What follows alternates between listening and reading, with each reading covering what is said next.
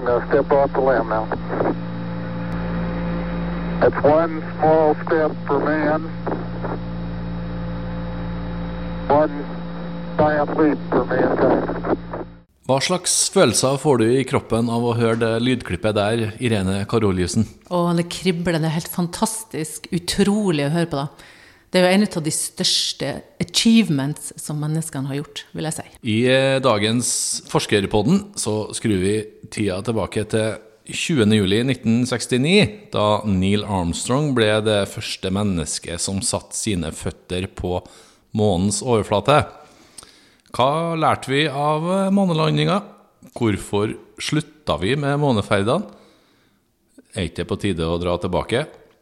Og ja, det er faktisk 50 år siden 1969, som betyr at du snart kan være født på 70-tallet og i tillegg være 50 år gammel. Det skjer heldigvis ikke før neste år. I dagens Forskerpodden handler alt om 20. juli 1969. Navnet mitt er Vegard Smevold. Forskerpodden er NTNU Samfunnsforsknings egen podkast, sendt fra eget bygg her på Dragvoll i Trondheim. I dag har jeg med meg Irene Karoliussen, som er forsker og biolog her på huset. I tillegg til jobben din i Siris, som er NTNU Samfunnsforsknings spektakulære romforskere. Eh, dere forsker jo bl.a. på hva som skal til for at astronauter kan dyrke planter på lange romreiser, så har du også en personlig interesse i eh, månelandinga, som jeg har forstått. Hva var det som eh, fikk deg så interessert i det her, eh, Irene Karoliussen? Nei, jeg vet ikke helt, men jeg har hele mitt liv vært interessert i astronomi og verdensrommet og syns det har vært veldig, veldig fascinerende. Og den interessen har jo bare økt på, og alle de uh, missions som har vært ut til alle planetene som går rundt oss, har vært superspennende. Og alt det her starta jo egentlig på 60-tallet, med kappløpet mellom Sovjet og Mm. USA. Når er du født, er du da? Jeg er født i 1968, så jeg var jo ni måneder sånn cirka når månelandinga skjedde. Så jeg har jo vært misunnelig på han Tandberg hele mitt liv, fordi at ikke jeg var eldre og kunne se det live når de landet på månen. Ja, ikke sant? Vi slutta med det her i 1972. Hvorfor i all verden gjorde vi det? Jo, da, I 1972 så hadde det jo vært fem eh, landinger etterpå på månen. Og da syntes vel egentlig befolkninga i USA at det var nok. At det var brukt nok penger på det. Vi hadde liksom vært der. Vi var ferdig med det, og eh, NASA fikk ikke nok funding ifra, staten for å fortsette, Nei. rett og slett. Hvem er de tolv personene da, som rakk å øh, dra til månen på de fem øh, Seks Seks, romferdene? Ja, det var jo selvfølgelig hvite menn, og øh, de var piloter alle sammen, bortsett fra én som var geolog. Så utgangspunktet var at du måtte være pilot, og mange av de var også testpiloter. Og da fikk de liksom en slags eh, gratis vei inn til å bli astronauter. Nå i dag er det jo ikke sånn. Nå er det jo mange forskjellige typer bakgrunn, og du kan likevel bli astronaut. Ok. Hvor lang øh, bakgrunn hadde de før de øh, ble sendt av gårde? Jo, eh, de var jo i slutten av 30-årene, de eh, Apollo-astronautene. Så det begynte jo med Mercury, og så fortsatte de da senere inn til eh, Apollo-reisene. Og de var, de var litt yngre enn de andre. Mm. Apollo 11, 12, 14, 15, 16 og 17 har landa på månen. Det gikk øh, galt med nummer øh, 13. Ja, med 13 så fikk de ikke landa, og det er jo litt sånn typisk at, at de lager en stor film ut av akkurat den reisen som ikke gikk sånn som den skulle gjøre, da. Og ulykkestallet 13. Ja. Det var Tom Hanks som uh, spilte rollen som James Lovell i den eh, filmen som vi husker. Eh, Lovell var jo også med på Apollo 8. Eh, litt uflaks, da, sånn sett i ettertid. Ja, det kan man jo si, men eh, de, jo, eh, de fikk jo tildelt en, en flight, kan du si. Og de, det var jo en slags rekkefølge der det var et, et, eh, et crew som var backup. Så de visste jo lang tid på forhånd hvem som skulle være på den og den, og selvfølgelig de som var på Apollo 10 da, de var jo, hadde jo kanskje maks uflaks fordi at de skulle gå rundt månen, men ikke fikk lov til å lande. De visste at de ikke skulle ned. De visste at de ikke skulle lande. Så jeg tenker nok at flere av de tenkte at det har vært mye bedre å være på den neste. Ja, ikke sant? Og når det gikk galt med 13, så fikk ikke han være med på 14 isteden. Nei. Nei. Det var bestemt på forhånd. De to første da, som satte sine bein på månen, Buss Aldrin og Neil Armstrong, i motsatt rekkefølge, hvem var de to? Ja, Neil Armstrong var jo eh, mission commander, og det var jo bestemt at han skulle gå ut først. Og etterpå han så kom jo Buzz Aldrin ut på månen. Tredjemann han gikk jo liksom rundt månen og venta på de, så han var jo ikke med på det her. Det var bare to stykker som var i Lunar Lander. Eagle, som vi har hørt så mye om. Eagle has landed. ikke sant? Det er jo òg et sånt kjent uttrykk.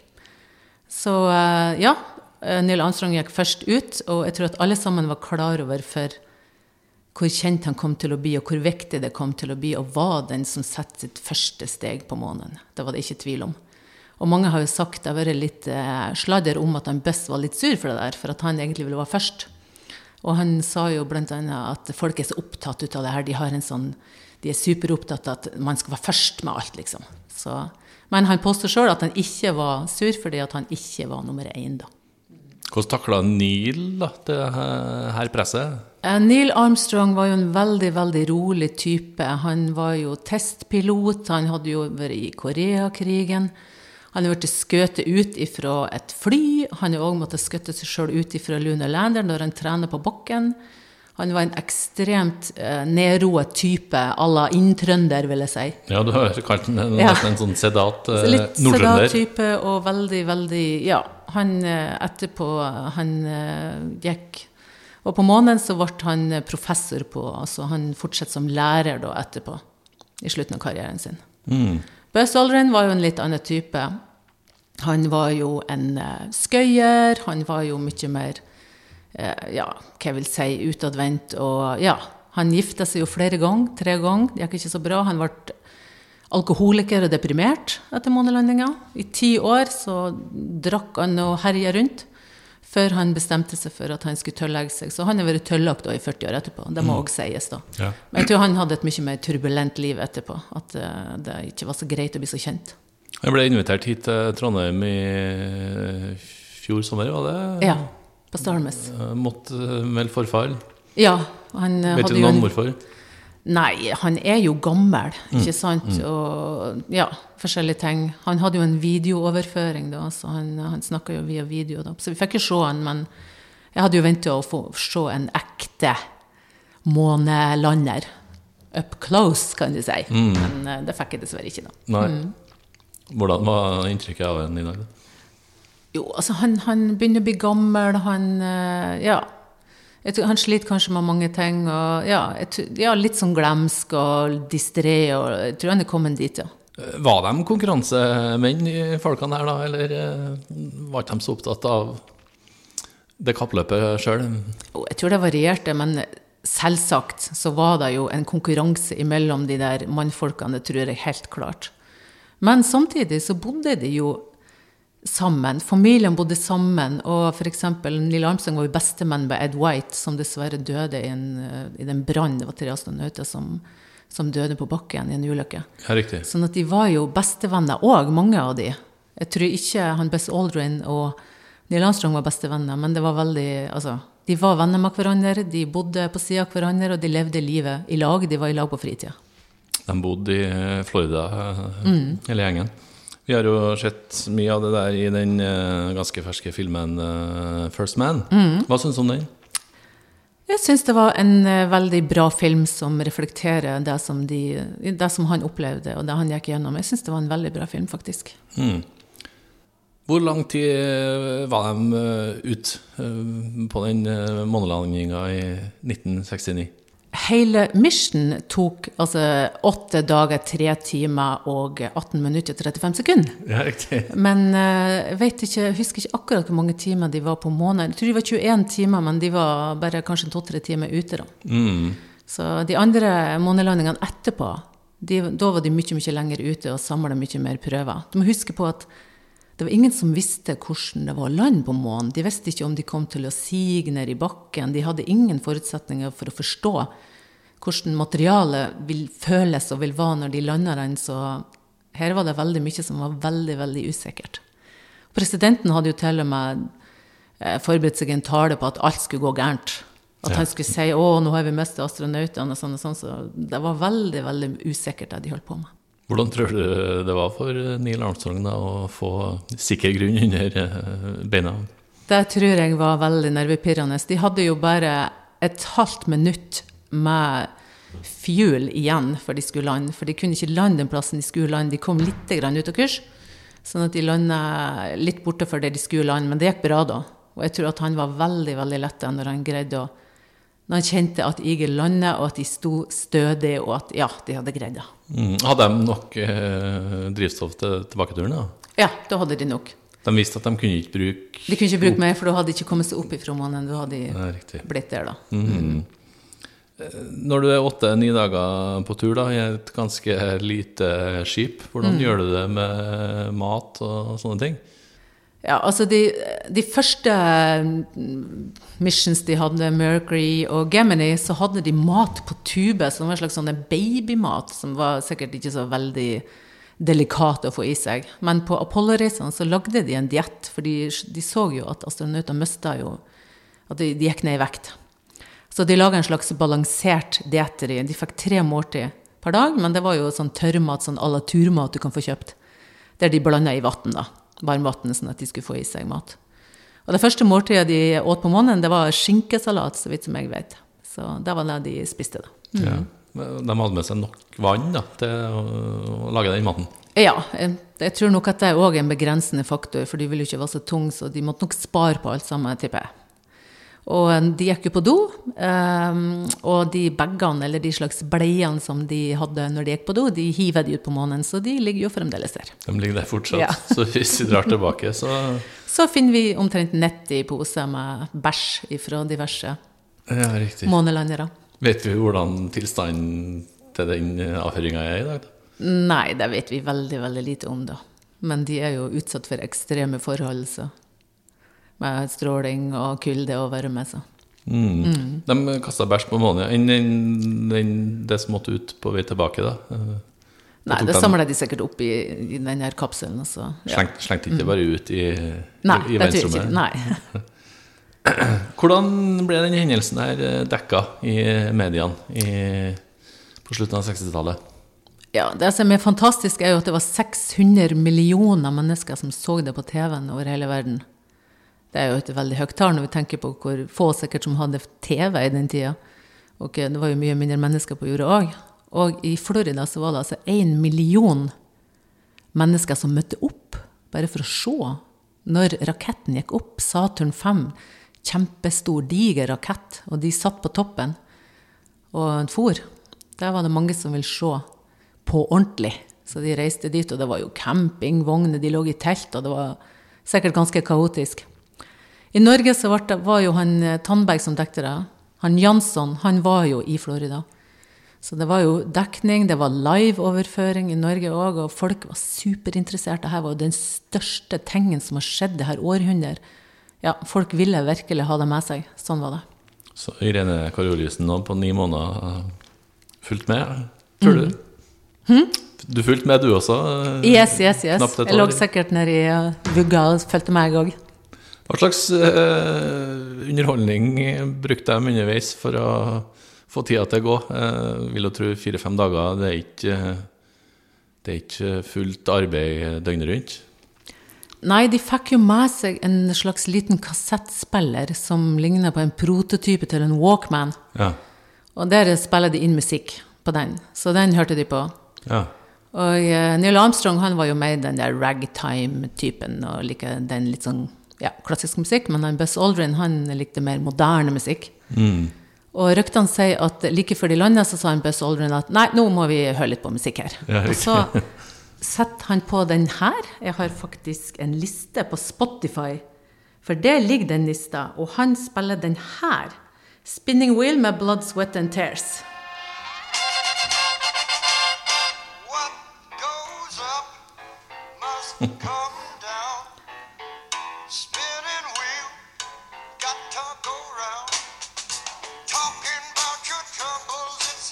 Det er faktisk eh, litt beroligende, det der, da.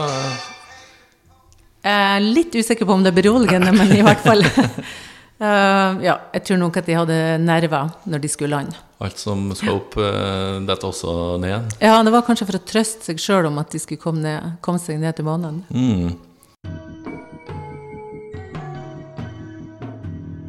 Så gikk jo da Neil Armstrong ut av uh, fartøyet etter hvert.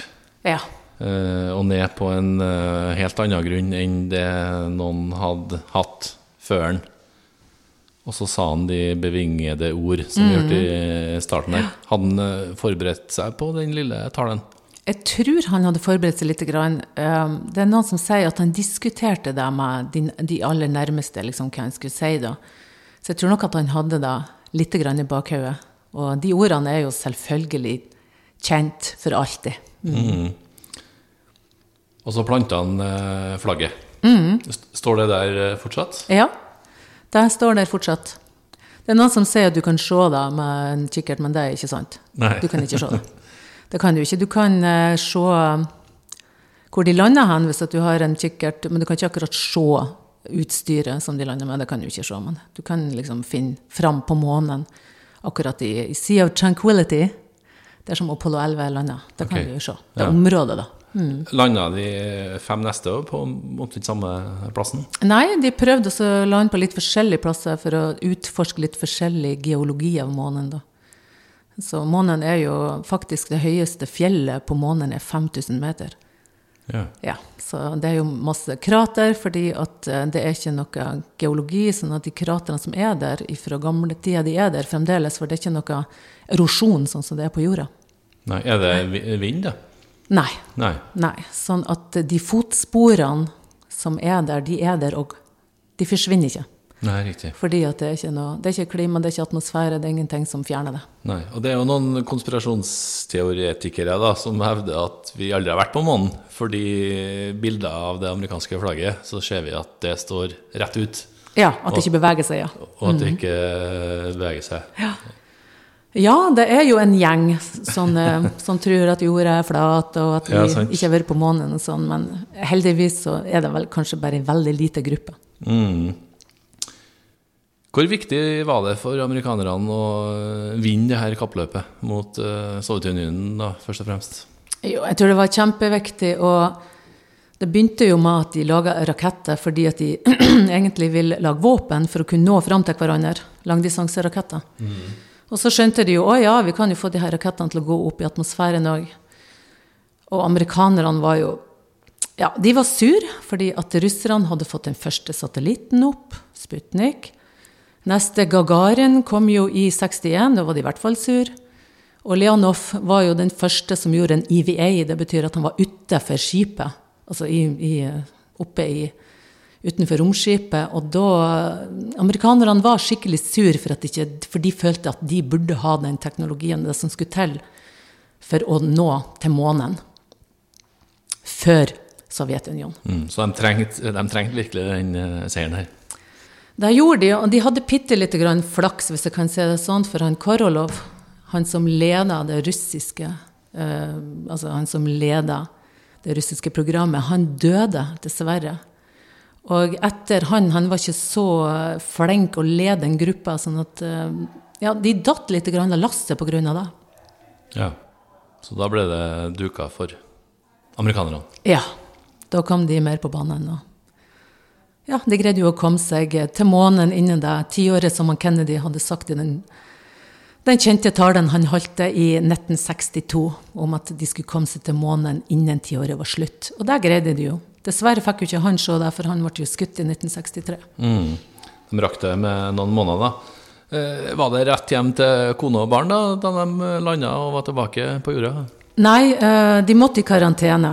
Og der var de jo noen uker fordi at eh, vi var så redd for at det skulle komme bakterier fra månen som kunne være farlige, som kunne smitte oss med noe, ja, noe skummelt. Og vi visste jo ingenting om hva som var på månen. Hadde vi vært like redd for det i dag? Nei. I dag er det litt motsatt, at vi ikke skal smitte de andre ja, legemannene uti der med noe fra jorda. Nei, nettopp. Mm. Jeg har hørt at du kan få sånn såkalte chicken bones av å være lenge ute i verdensrommet. Var Neil Armstrong plaga med det? Nei, jeg tror at de var så kort tid At eh, de merker ikke det. Det der er mer på astronautene som er på den internasjonale romstasjonen, fordi at lymfen forflytter seg oppover og ikke nedover, sånn som den gjør når du er på 1G på jorda. Så Ja, det riktig. betyr at alle de her væskene i kroppen de ja, blir litt sånn merkelige, da. Dagens astronauter de er betydelig lenger ut enn det Neil- Ja, de er jo ikke så langt ut som Apollo-astronautene. Nei, tid, ja. Sånn, de er ikke så langt bort ifra jorda, men eh, de er jo et halvår, og to stykker har jo til og med vært ett år på romstasjonen. Ja, riktig. Mens det her var åtte-ni dager. Hva tok de med seg hjem igjen fra månen? De tok med seg eh, 22 kilo med stein og støv og prøver fra månen. Og de, hadde jo også, de satte jo òg ut noen eh, eksperimenter på månen, bl.a. for å kunne måle eh, nøyaktig avstand fra jorda til månen. Med laser så setter de opp noe utstyr, på Solrin-jorda. Mm. Ok, Og det vet vi nå, av den turen. Yes, og da vet vi òg at månen fjerner seg fra oss med fire centimeter eller noe sånt på, ja, på tiåret, tror jeg, hvis jeg ikke tar helt feil. Ok, Så den er litt lenger unna. Han forsvinner litt og litt, ja. Mm. Mm, yes. Eh, hva gjorde de tolv astronautene etterpå, da? Du var litt inne på det. Neil Armstrong ble lærer. Eh, Buzz Aldrin slet litt med berømmelsen, kanskje. ja. Hva med de andre? Ja, det var vel litt forskjellig hva de gjorde etterpå. Eh, han Michael Collins, som var tredjemann uh, på månen, eller han var ikke på månen, han var jo den som gikk eh, i omløp rundt månen og ventet på dem. Han ble til slutt museumsbestyrer vet jeg, på et sånt space-museum i USA. Så, men jeg tror de flesteparten av de fortsetter litt grann innenfor den samme businessen som at de, ja, at de var lærere for neste generasjon astronauter. Eller at de fortsetter innen militæret. Mange av de kom jo òg fra militæret som piloter. Mm. Var de noe slags økonomisk da, på å være med på det her? Det vet jeg faktisk ikke om de var. Det vet jeg ikke om de fikk noe slags astronautpensjon. Men det jeg vet, det er jo at de ikke ville at Neil Armstrong skulle reise igjen. Fordi man ville ikke at det skulle skje noe med den første som hadde vært på månen. Det er riktig. Vi måtte passe på han. så Han han måtte vi passe på, liksom. fortelle. Mm. Hva lærte vi? Hva er det viktigste vi lærte av de seks månedlandingene? Vi lærte jo enormt mye, og den teknologiske utviklinga var jo enorm etterpå. Må huske på at mobilen din den har jo en mye bedre datamaskin nå enn den datamaskinen som fikk de på månen. Og eh, det som skjedde etterpå med satellitter, GPS, internett og alt det der, det er jo spin-off. Alt sammen ifra det som skjedde akkurat i den perioden der. Betyr ikke det at vi bør dra tilbake, da? Jo, absolutt. Jeg mener at vi burde dra tilbake. Det er, det er ting som vi fremdeles kan utforske som mennesker, og det er fremdeles veldig veldig mange ting om universet som vi ikke vet. Og sjøl vår nærmeste nabo er det mange ting vi ikke vet. Mange mener nok at det ikke er rom for å prioritere det økonomisk. Eh, Hva vil det koste å dra tilbake igjen i dag? Ja, det, er faktisk, det kan jeg ikke gi et sånt klart svar på. Men jeg mener jo at det er jo, det er jo mye annet i verden man kanskje ikke trenger å bruke så mye penger på, f.eks. våpen. Ja, sant. Hva med miljøskader, da? Vet vi hva et eh, romskip sender ut av eh, klimagasser? Nei, det vet jeg jo ikke om det er så mye klimagasser akkurat som kommer ut ifra de den der type motorer, da. Det er jo ikke eh, Det er jo litt annerledes enn det, enn det drivstoffet som vi bruker i biler, da. Okay. Så det vil jo være forsvinnende så lite hvis du sammenligner med den enorme, fantastiske store bilparken vi har på jorda. Og det her ønsker Siris å være med på. Ja, helt klart at vi vil være med på det. Det er veldig, veldig spennende. Og det vi vet nå, det er jo at det planlegges en eh, ny stasjon som skal gå rundt månen, som heter Deep Space Gateway, som vi for kort kaller bare for Gateway. Og Siris er med på søknader der vi skal prøve å få med å lage nytt utstyr som skal brukes på denne nye romstasjonen som skal gå rundt månen. Veldig spennende. Spennende. Vi nærmer oss uh, slutten, men uh, hvis du til slutt uh, skal få fortelle hva din favoritt-fun fact om de seks månelandingene på 60- og 70-tallet eh, Mm, en liten fun fact. Det må jo være at Neil Armstrong tok med seg en bit ut av propellen til flyet til brød- brødrene Wright. Så han var jo blodfan av de, og tok med seg en bit på månen. Om han tok den med seg tilbake, det vet jeg ikke, eller ja, i hvert fall. Så den eh, ligger der kanskje ennå. Ja, hvem vet? Takk til Irene Karoliussen. Du har hørt på Forskerpodden, laga av NTNU Samfunnsforskning. Navnet mitt er Vegard Smevold, og vi høres på månen.